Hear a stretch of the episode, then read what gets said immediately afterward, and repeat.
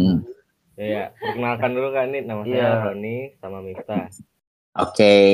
Halo Miftah dan juga Siapa tadi nggak kedengeran? Roni, Roni. Roni, Roni. Roni. Oke. Eh, ih deg-degan banget tuh. Kenapa gue karena gue jadi deg-degan kalau deg-degan gue deg-degan juga gila.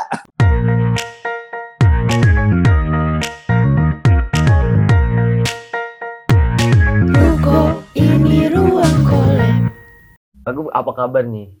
Baik dong, alhamdulillah. Kalian gimana apa kabar? Alhamdulillah baik. Banyak konten kreator yang udah besar banget gitu. enggak, enggak, enggak, enggak. Ya Allah. Enggak, enggak, enggak bakal besar-besar enggak, enggak besar. Gimana kita mau ngobrolin apa sih hari ini? Kalau boleh tahu. Kita ngobrolin tentang kakak. Ngapain enggak ada yang menarik dari hidup gue? Gue kan sedih konsepnya. Kak, sebelum mulai kira-kira enaknya ngomongnya gimana nih manggilnya eh, lu gua aja atau gimana nih kak? Bebas. Kalau aku kamu gue soalnya suka agak baper. Jadi mending gue bebas sih. Iya, iya, iya. Eh, lu kan konten kreator gitu ya bang ya. Mm-mm. Keseharian selain jadi konten kreator gitu, pasti kan pada penasaran banget nih. Oke. Semoga penasaran ya sama hidup gue ya. Tapi ya, tapi yang jelas eh, sebenarnya kan sebelum gue ngonten untuk pribadi gue itu memang bikin konten kurang lebih dari tahun 2015 itu eh, bikin konten untuk brand gitu. Jadi eh, itulah kenapa tadi gue nyebutin di awal kalau gue adalah seorang konten strategis di mana pekerjaan konten strategis kan sebenarnya mengisi nih gitu eh, menstrategikan konten dan juga menjawab pertanyaan klien tentang mau ngonten apa ya hari ini gitu. Jadi gue yang bikin strategi untuk daily content dan juga untuk uh, campaign sebuah brand gitu sih kurang lebih. Ya sehari-harinya begitu jadi konten strategis kurang lebih sekarang udah jalan tahun ke-6 sebenarnya alhamdulillahnya. Gitu. Sama juga bang ya. Berarti Mm-mm. udah biasa gitu ya bang ya pas buat ya, TikTok gitu-gitu.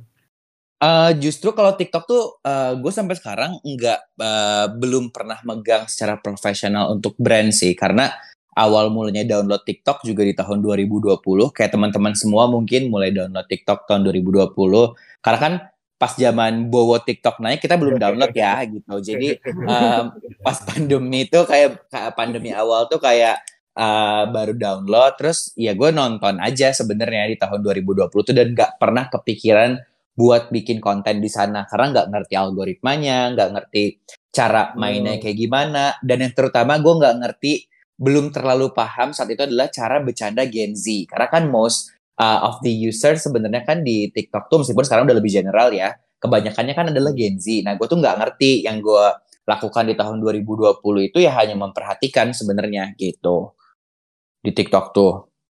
Terus awal pertama kali Hmm. kayak wah gue harus bikin konten nih kayak gitu.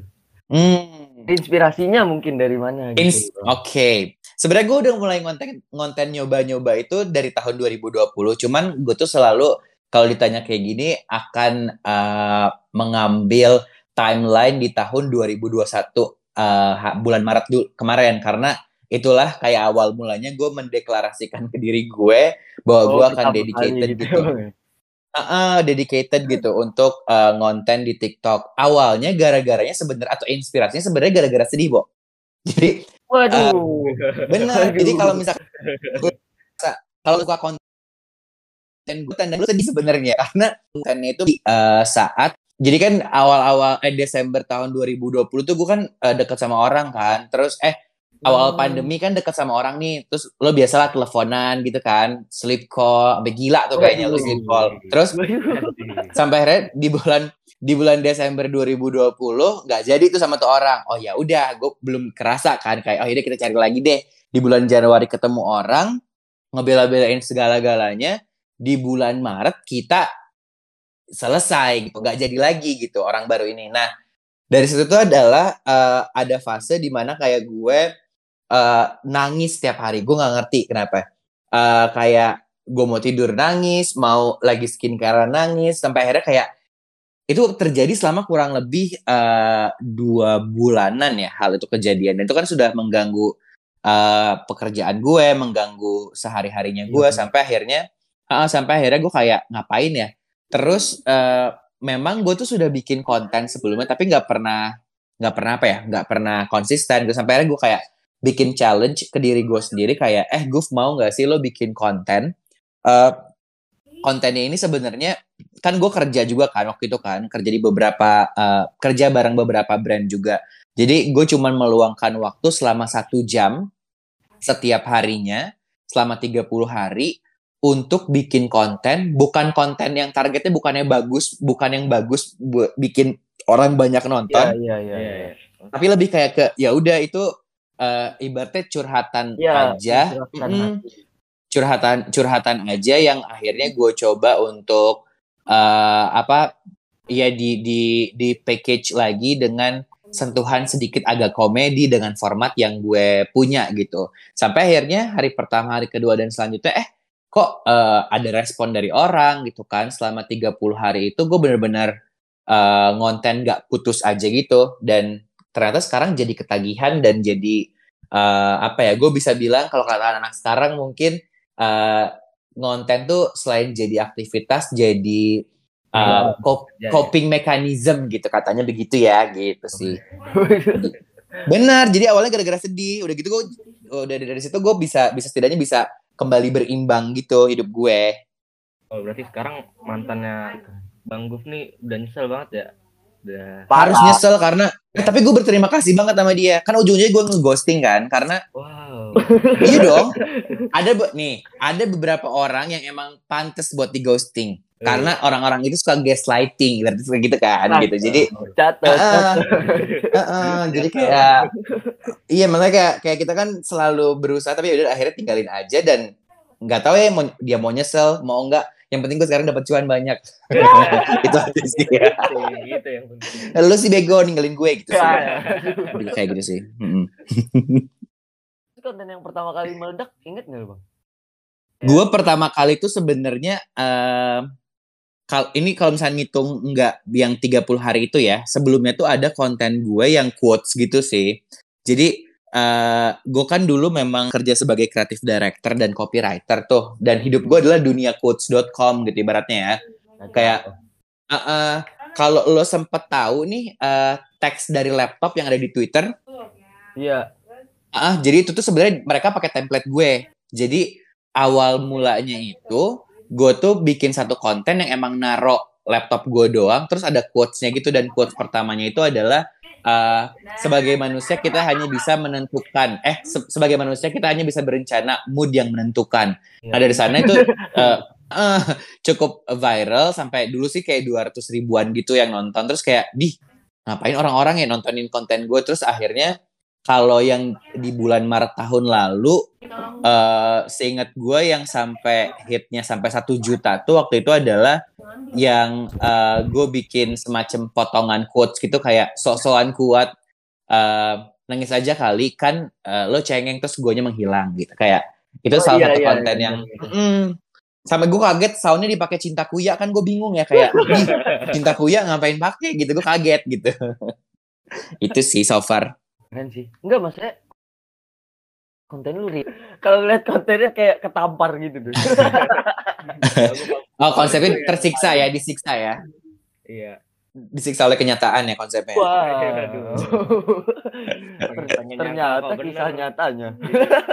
Iya betul. Jadi memang karena memang pada akhirnya eh, based on true story kali ya beberapa beberapa misalkan sebenarnya gini sih kenapa based on true story kayak sebenarnya gue tuh pernah kesindir sama konten gue sendiri.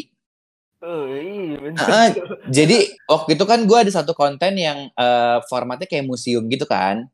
Eh, Udah gitu, mm, udah gitu gue udah tuh eh, ngepost aja, nge- ngepost aja udah gitu. Akhirnya gue login pakai akun brand yang lagi gue pegang waktu itu. Terus ternyata masuk FYP eh, si brand itu, di mana gue tuh kan posisinya lagi tiduran kan. Terus si konten gue itu bilang kayak di koleksi kita selanjutnya ada orang yang punya passion untuk rebahan karena dia berpikir dia sudah kaya. Gue langsung kayak "Ih, ke anjing ya kok gue kok gue kok kayak ih bangsat ya kayak kenapa gue kesindir sama konten gue. Jadi sebenarnya apa pun yang gue tulis sebenarnya yaitu untuk menyindir diri gue juga karena gue memang mengalami hal tersebut gitu sih. Jadi kalau misalnya keresahan-keresahan gitu kayak relate parah gitu. Iya mungkin karena semua orang sama ternyata ya gitu. eh dan dan makin sini, jadi kan alhamdulillahnya setelah ngonten tuh, eh gue sekarang sempat beberapa kali diundang untuk bikin workshop cara bikin konten kan sebenarnya. Itu. eh heeh, nah maksudnya di, di Bandung sih baru di Bandung sih. Terus kayak otomatis kalau gue kan bingung ya awalnya kayak ini kenapa orang-orang eh, pengen tahu cara bikin konten padahal sebenarnya kan lu tinggal eh, me- apa me- mengutarakan ker- Iya. meng- mengutarakan keras. Bener mengutarakan keresahan lo aja kan sebenarnya. Cuman ternyata pas gue breakdown lagi kontennya oh gue menemukan sebuah metode saat gue eh, ngonten gitu sebenarnya. Kayak eh, apa kayak eh, ternyata gue bikin segmen gue nulis cara nulisnya juga eh, apa mirip-mirip kayak kalau bikin beat di stand up yang kayak gitu-gitu sih ternyata. Gue baru sadar gitu sebenarnya gitu nggak terlalu spesial spesial banget sih sebenarnya Keren. Keren banget. Nah, eh, kan lu udah sering ngonten nih bang ya, udah lama juga. Tips biar apa ya? Tips buat orang-orang yang mau ngonten juga biar lebih pede gitu depan kamera sama oke pin komen-komenan jahat gitu misalnya. Pasti ada. Pasti ada komenan tuh satu. A- ada pasti ada aja pasti ada aja yang kayak ini orang nyindir mulu aku, aku doakan semoga harinya senin semua gila iya. orang. padahal gue padahal gue apa-apa soalnya gue senin libur Em, mungkin tips ya kalau gue sih eh, untuk percaya diri pertama kali itu selalu sadar kalau misalkan sebenarnya kita itu tidak sepenting itu Banyak orang kan- Kenapa banyak orang? Ah, ah, banyak banyak orang kan yang berpikir kayak eh, kalau lo mau mulai sesuatu tuh pasti kan lo takut diomongin A, takut diomongin B, takut diomongin C kan. Tapi sebenarnya eh, terlepas dari itu semua, orang tuh nggak sepeduli itu kok sama kita. Dalam artian gini kayak eh, sekarang kan kalau yang gue perhatiin dan yang gue baca-baca kayaknya kita tuh cuman butuh 5 sampai 7 detik kan buat merhatiin sebuah konten gitu ibaratnya. Hmm. Sudah dari sana ya lo akan nge-scroll lagi, nge-scroll lagi, nge-scroll lagi gitu. Jadi eh, buat gue eh ya maksudnya maksudnya jangan terlalu nganggap kita penting tuh karena Bakalan lewat lah gitu ya. Heeh, maksudnya kayak ya udah aja kalau misalnya lo suka melakukan hal itu ya udah gitu dan terutama sih gue sangat eh gue punya teman-teman yang emang kasarnya introvert lah ya nggak pernah berani eh, misalnya ada teman gue kemarin kayak tiba-tiba dia tuh kan main musik terus anaknya memang pendiam banget terus tiba-tiba dia ngomong ke gue kayak Guf gue pengen ngonten. Gue sampai kaget kayak lu serius mau ngonten? Maksudnya kayak eh, iya soalnya gue sebenarnya deep down inside tuh banyak orang yang pengen mengekspresikan Iya. apa yang dia bisa kan dan pengen of course kalau misalnya lo punya kemampuan pasti lo pengen dilihat banyak orang juga gitu. Nah gue bilang kayak ehm, ya udah lo nggak perlu lo masuk TikTok lo nggak perlu joget lo nggak perlu review nggak perlu apa ya lo main musik misalkan kayak gue bilang lo mendingan nge-cover A nge-cover B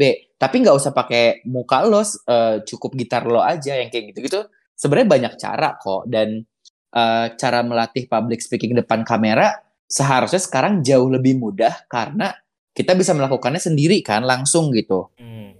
Jadi eh, untuk bisa dan jangan kalau kata gue sih objektif itu jangan dulu mikir langsung viral sih karena nggak akan kalau niatannya begitu karena eh, maksud gue takutnya takutnya enggak apa ya takutnya tidak eh, tulus lo ngontennya gitu Oh. karena lo cuman mau fame karena lo cuman mau cuan doang Ya, gitu cari duit. gitu intinya heeh Have fun aja gitu ya bang. heeh, gitu sih Sang gitu yang ya. penting bisa having fun Mm-mm. Lan, Ayo kita nonton lah. Ayo kita nonton. Lo ngonten deh berdua ngapain tuh ngomongin ngomongin tetangga juga bebas tuh tapi bener juga, tapi banyak banyak juga bang yang kayak pengen viral Hmm. gitu tiba-tiba dia makan cabe. Ah. Iya. nah, sebenarnya gue bisa meng- gue bisa mengomentari hal itu sih. Maksud gue Iya. adalah gini, kayak eh, apa pun yang lo taruh di sosial media itu tuh adalah sebuah konten. Mau itu konten yang ngeprank, mau itu kontennya ngebagi kehidupan lo, curhat atau bahkan makan cabai sekalipun. Eh, sebenarnya nggak apa-apa. gue pribadi nggak ada masalah karena memang pada akhirnya lo hanya bikin konten. Cuman yang harus diperhatikan adalah ketika lo once lo viral, lo tahu mau ngapain sih. Mm-mm. Hmm. Jangan sampai eh, karena sebenarnya ketika lo dapat exposure sejuta, dua juta orang atau berapa ratus ribu atau berapa juta followers lo, em, sebenarnya rasanya sama aja sih. Tetap ngerasa bukan siapa-siapa gitu bang ya. Iya, karena mikirnya gini deh, kayak ya lo dikenal di internet, Wah, di, di dunia nyata tuh kayak ya lu sama sama orang lain. Jadi kayak Wow. jangan jangan sok cantik depan gue. Gue suka kayak gitu sih. Gak sok cantik gitu jadinya. Mm-mm, maksud gue kayak orang-orang tetap nganggap lu biasa aja dan dianggap biasa aja juga nggak apa-apa kok gitu maksud gue. Tapi kan Jadi hmm, kenapa? Ya sekarang banyak orang yang dia udah tahu sebenarnya dia kalau viral udah mau ngapain. Soalnya dia pas naik dia bikin inian, bikin isu-isu. Pas naik ya klarifikasi. dapat cuan gitu ya langsung dapat cuan doang ya gitu iya nggak apa-apa juga cuman em, yang namanya viral kan sebentar yang paling penting itu adalah gimana cara lo nge-maintainnya sih sebenarnya itu yang jadi eh, Hmm, PR bener, bener. sebenarnya setelah lo dan lo harus bisa mempertang- bertanggung jawabkan semua konten lo gitu Eh ternyata ada satu surat yang nggak tahu itu siapa yang buat. Dan pas dibuka kalian harus tahu serem banget lagi part 2.